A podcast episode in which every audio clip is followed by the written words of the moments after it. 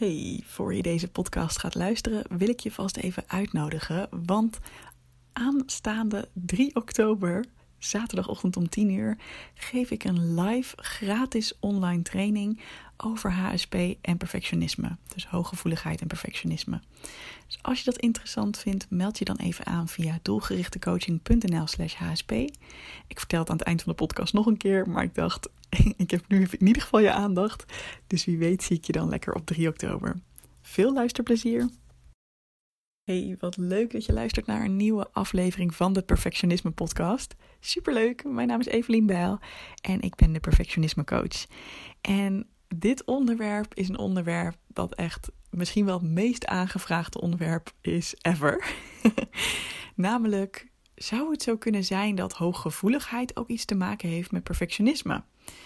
Want veel van de mensen die zichzelf zien als perfectionist of die dat langzaam maar zeker steeds meer doorkrijgen dat ze last hebben van perfectionisme, zijn ook nog eens een keer hooggevoelig. Soms weet je het ene al wel van jezelf en het andere nog niet en kom je er later achter. Soms weet je juist misschien al wel dat je hooggevoelig bent, maar weet je pas later dat je perfectionistisch bent. Um, en natuurlijk, het kan ook los van elkaar staan, maar er is inderdaad een hele duidelijke link tussen. Dus het is geen toeval als jij je in beide dingen herkent. En uh, dat geldt ook absoluut voor mij. Ik, uh, ik kwam er ook een beetje tegelijkertijd achter dat ik van allebei die dingen last had, tussen aanhalingstekens. Um, terwijl je zou het ook kunnen zien als he, hooggevoeligheid is gewoon iets hoe jouw hersenen in elkaar zitten. Het is gewoon hoe je bent. Maar hoe komt dat nou dat dat zo vaak samengaat met perfectionisme? Als je wat gevoeliger bent, dan heb jij wat meer tijd nodig om bij te komen. Dus bijvoorbeeld als jij sociale afspraken hebt gehad of als jij een bepaalde taak hebt gewerkt, dan ben je daardoor waarschijnlijk sneller en meer geprikkeld dan andere mensen. En dat betekent dat je dan ook weer even tijd nodig hebt om bij te komen. Ik weet dat ik echt na een uh, werkdag in mijn eerste jaar dat ik echt helemaal gevloerd was en dat ik echt op de bank moest. Dat ik dacht, jeetje, hoe doen al die mensen dit? En dat maar met een paar weken vakantie per jaar en met twee dagen weekend. Nou echt, ik snapte er helemaal niks van. Um, omdat ik gewoon veel meer, denk ik, geraakt was door alles wat er die dag gebeurd was. Het kwam allemaal veel harder binnen. En ook sociale afspraken met vriendinnen of hè, met andere mensen, met familieleden. Hoe leuk ik ze ook vond, het kostte me ook energie.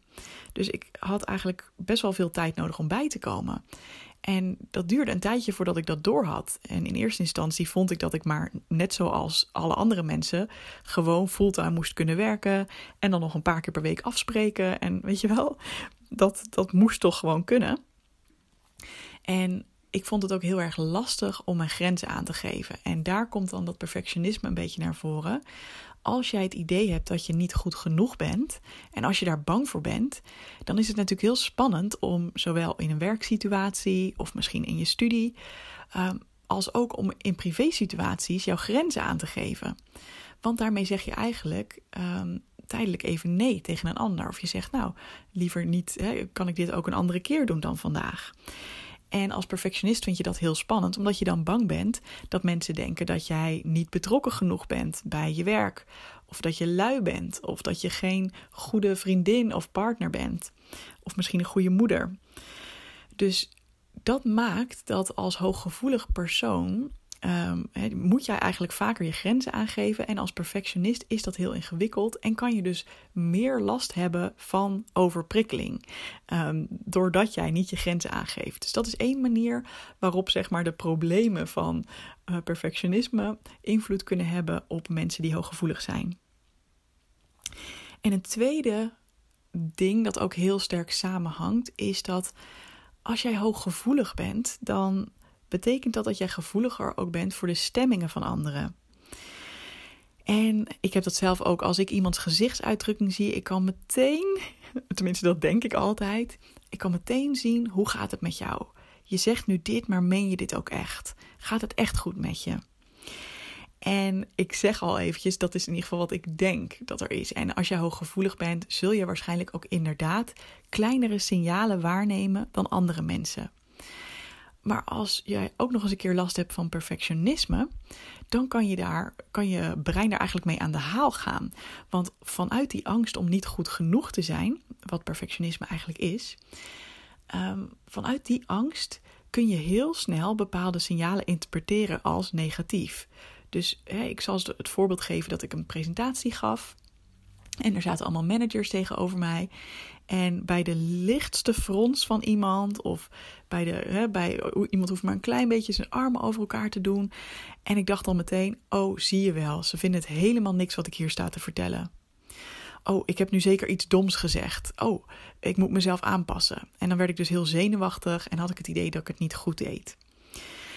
En wat ik later heb geleerd is: nee, want het feit dat ik. Um, bepaalde dingen zie, dat wil helemaal niet zeggen dat het over mij gaat. Ja, ik zie inderdaad dat iemand fronst, maar misschien heeft iemand gewoon nog wat meer tijd nodig om hetgene wat ik net gezegd heb op hem of haar in te laten werken. Dat wil niet zeggen dat daar meteen een oordeel in zit van, oh, Evelien verkondigt nu echt onzin, of ik ben het hier echt niet mee eens, of we moeten het anders doen. Dus dat heb ik later van elkaar los leren koppelen. Ehm, dus zie je hoe, als jij, uh, hoe ook dit weer op elkaar kan ingrijpen. Dus je bent gevoeliger, je ziet meer dingen. En vanuit perfectionisme kun je dat dan dus gaan labelen als: nee, dit is niet goed, ze vinden mij niet goed. En vervolgens ga je heel hard je best doen om toch die mensen erbij te betrekken. Om te zorgen dat ze uh, ja, toch weer een positief beeld van jou krijgen. Misschien ga je zelfs please gedrag vertonen. En als perfectionist voel je je ook heel verantwoordelijk voor hoe heel veel mensen zich uh, in jouw omgeving voelen. En dat is vaak iets wat ik zie. Mensen voelen zich heel erg, ja, bijna hyper verantwoordelijk dat iedereen het naar zijn zin heeft en dat het met iedereen goed gaat. En ook daarop ga je dan weer je gedrag inpassen, aanpassen. Van, oh ja, ik zie dat diegene het nu niet zo fijn lijkt te vinden. Wat kan ik doen om het toch weer fijner voor diegene te maken? Nou, dat is natuurlijk heel vermoeiend als je daar de hele tijd mee bezig bent. Dus dit zijn alvast zeg maar twee thema's die maken dat perfectionisme en hooggevoeligheid met elkaar te maken hebben. Dus allereerst, je hebt als hooggevoelig mens gewoon meer tijd nodig om bij te, te komen. En als perfectionist vind je dat vaak lastig om die tijd voor jezelf te claimen. En als tweede, als hooggevoelig persoon ben jij heel opmerkzaam wat betreft de stemmingen en gezichtsuitdrukkingen van anderen.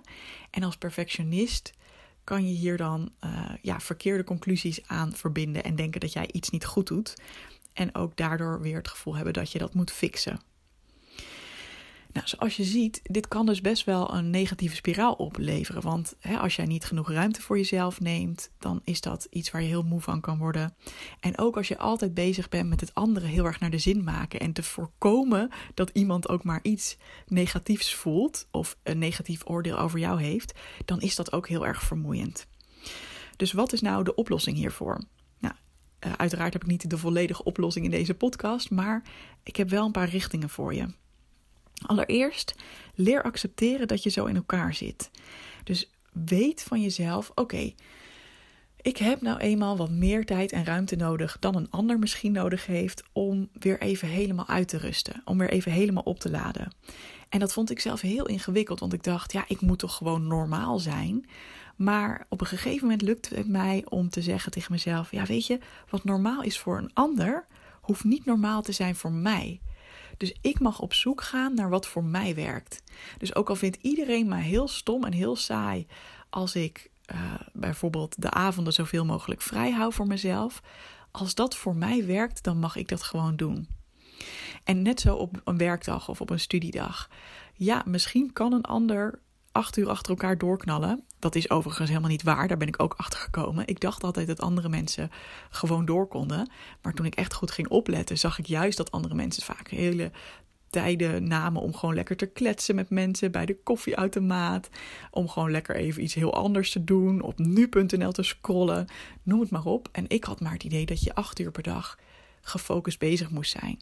Nou, maar zelfs al zou het zo zijn dat er mensen zijn die wel hè, continu door kunnen gaan. Jij kan dat niet. En eigenlijk kan niemand dat. Dus neem gewoon elk uur of elke anderhalf uur of twee uur, wat voor jou lekker werkt. Neem gewoon even die break. Ga gewoon even in je eentje rondlopen. Gun jezelf de ruimte.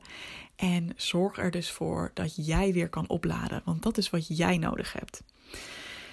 Dus dat is eigenlijk de eerste tip. Dus leer accepteren hoe je in elkaar zit. En besef dat jij je eigen normaal hebt en dat het normaal van anderen niet jouw normaal hoeft te zijn. En de tweede tip is ook blijf ook hierin openstaan voor verandering. Misschien dat je nu inderdaad denkt van oké, ik ga meer pauzes op mijn werkdag nemen. Of ik ga experimenteren met een avondje per week vrij houden. Ik zeg maar wat. Misschien begin je heel klein. Uh, maar blijf dan ook kijken van, hey, hoe voelt het eigenlijk? Voelt dit goed? Of zou ik hier nog wel wat meer van willen? Um, of moet het een beetje anders, zodat het nog lekkerder voor me werkt? Het, het is niet zo dat je op een gegeven moment een gebruiksaanwijzing vindt en dat die voor de rest van je leven hetzelfde blijft. Voor mij gold bijvoorbeeld dat ik um, heel, met hele kleine stapjes begon dat steeds verder uitbouwde. En nu, na een jaar of zeven, super veel ruimte voor mezelf te hebben gehad. En zelfs het zo geregeld te hebben dat ik in mijn bedrijf echt ja, alle vrijheid van de wereld heb, merkte ik juist weer: oh wacht. hey, ik merk dat ik juist wat meer prikkels nodig heb. Ik merk dat ik juist wat meer mensen wil zien gedurende een werkweek. Want ik had wel een heel erg lege agenda. Um, en ik kwam er ook achter dat je naast hoogsensitiviteit ook nog zoiets hebt dat heet high sensation seeker. Um, high sensation seeking. En dat betekent dat je heel erg houdt van nieuwe dingen leren, nieuwe mensen ontmoeten, naar nieuwe plekken toe gaan. En ik heb dat allebei. Dus ik ben en hooggevoelig en ik ben een high sensation seeker. Dus dat betekent dat alleen maar rust hebben en alleen maar in mijn eentje zijn helemaal niet goed voor mij is. Ik heb, ik heb echt een beetje die balans nodig tussen leuk met mensen omgaan en ook um, ja, weer lekker tijd voor mezelf hebben om bij te komen. Dus in die zin ook hou het dus uh, hou het open voor verandering. Blijf het zien als één groot experiment. Waarin je elke keer jezelf een stukje beter leert kennen. En daarop ook je, je weekindeling bijvoorbeeld weer aanpast. Als je trouwens dit onderwerp van uh, high sensation seeking en HSP interessant vindt, dan moet je even Saskia Kleisen opzoeken. Kleisen schrijf je K-L-A-A-Y-S-E-N. En zij is echt de expert op het gebied van dit onderwerp. Dus ook van dat je onderprikkeld kan raken als uh, hoogsensitieve high sensation seeker. Um, zij geeft bijvoorbeeld ook hele toffe masterclasses voor uh, klein bedrag. Uh, en die vond ik zelf echt heel erg, uh, heel erg fijn. Daar heb ik echt onwijs veel aan gehad. Dus misschien jij ook wel.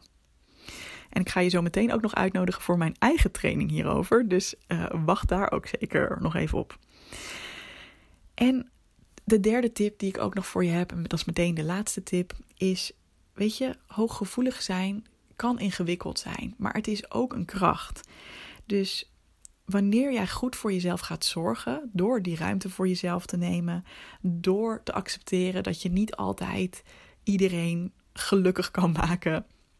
En dat mensen soms ook wel eens fronsen, ook als het niks met jou te maken heeft. Door op die manier goed voor jezelf te zorgen, kan die kracht maximaal tot uiting komen. Want als jij lekker opgeladen bent en goed in je vel zit en ja, goede grenzen hebt, zowel qua tijd en ruimte als uh, over hè, hoe andere mensen zich voelen en hoe dat jou beïnvloedt, dan ja, dan kan je echt de hele wereld aan. En dan is het zo cool dat jij juist gevoeliger bent dan andere mensen. En daardoor veel sneller kan aanvoelen wat iemand nodig heeft. En dan heb je dus ook echt ruimte om te gaan ontdekken: wow, wat kan ik allemaal wel niet met die kracht? misschien kan jij ook wel iets van een coachende rol op je nemen.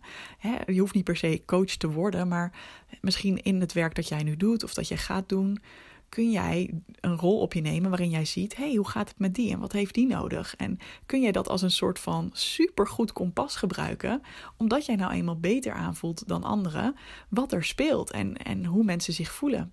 En dan is het niet meer zo van: oh jee, iemand kijkt uh, verdrietig of fronsend, ik zal wel wat verkeerd gedaan hebben. Maar dan is het: hey, het is goed dat ik dat waarneem, want dan kan ik even een vraag stellen aan diegene. Dus dat is ook meteen de tip voor hoe je omgaat met dat aspect. Stel gewoon een vraag als je het ziet. hey, ik zie nu dat je fronst. Vertel eens, wat is er aan de hand? Want doordat je een vraag stelt, ga je op onderzoek uit en geef je die ander ook de ruimte om uit te leggen wat er aan de hand is. Kun je weer in verbinding komen. Um, terwijl als jij meteen een oordeel over jezelf eraan koppelt en dan maar heel hard gaat werken, dan denkt die ander misschien ook: huh, wat gebeurt hier nou weer? Want je hebt het niet eens met diegene overlegd. Je bent zelf al in de aanname gestapt dat diegene iets van jou vindt. Maar dat hoeft helemaal niet zo te zijn.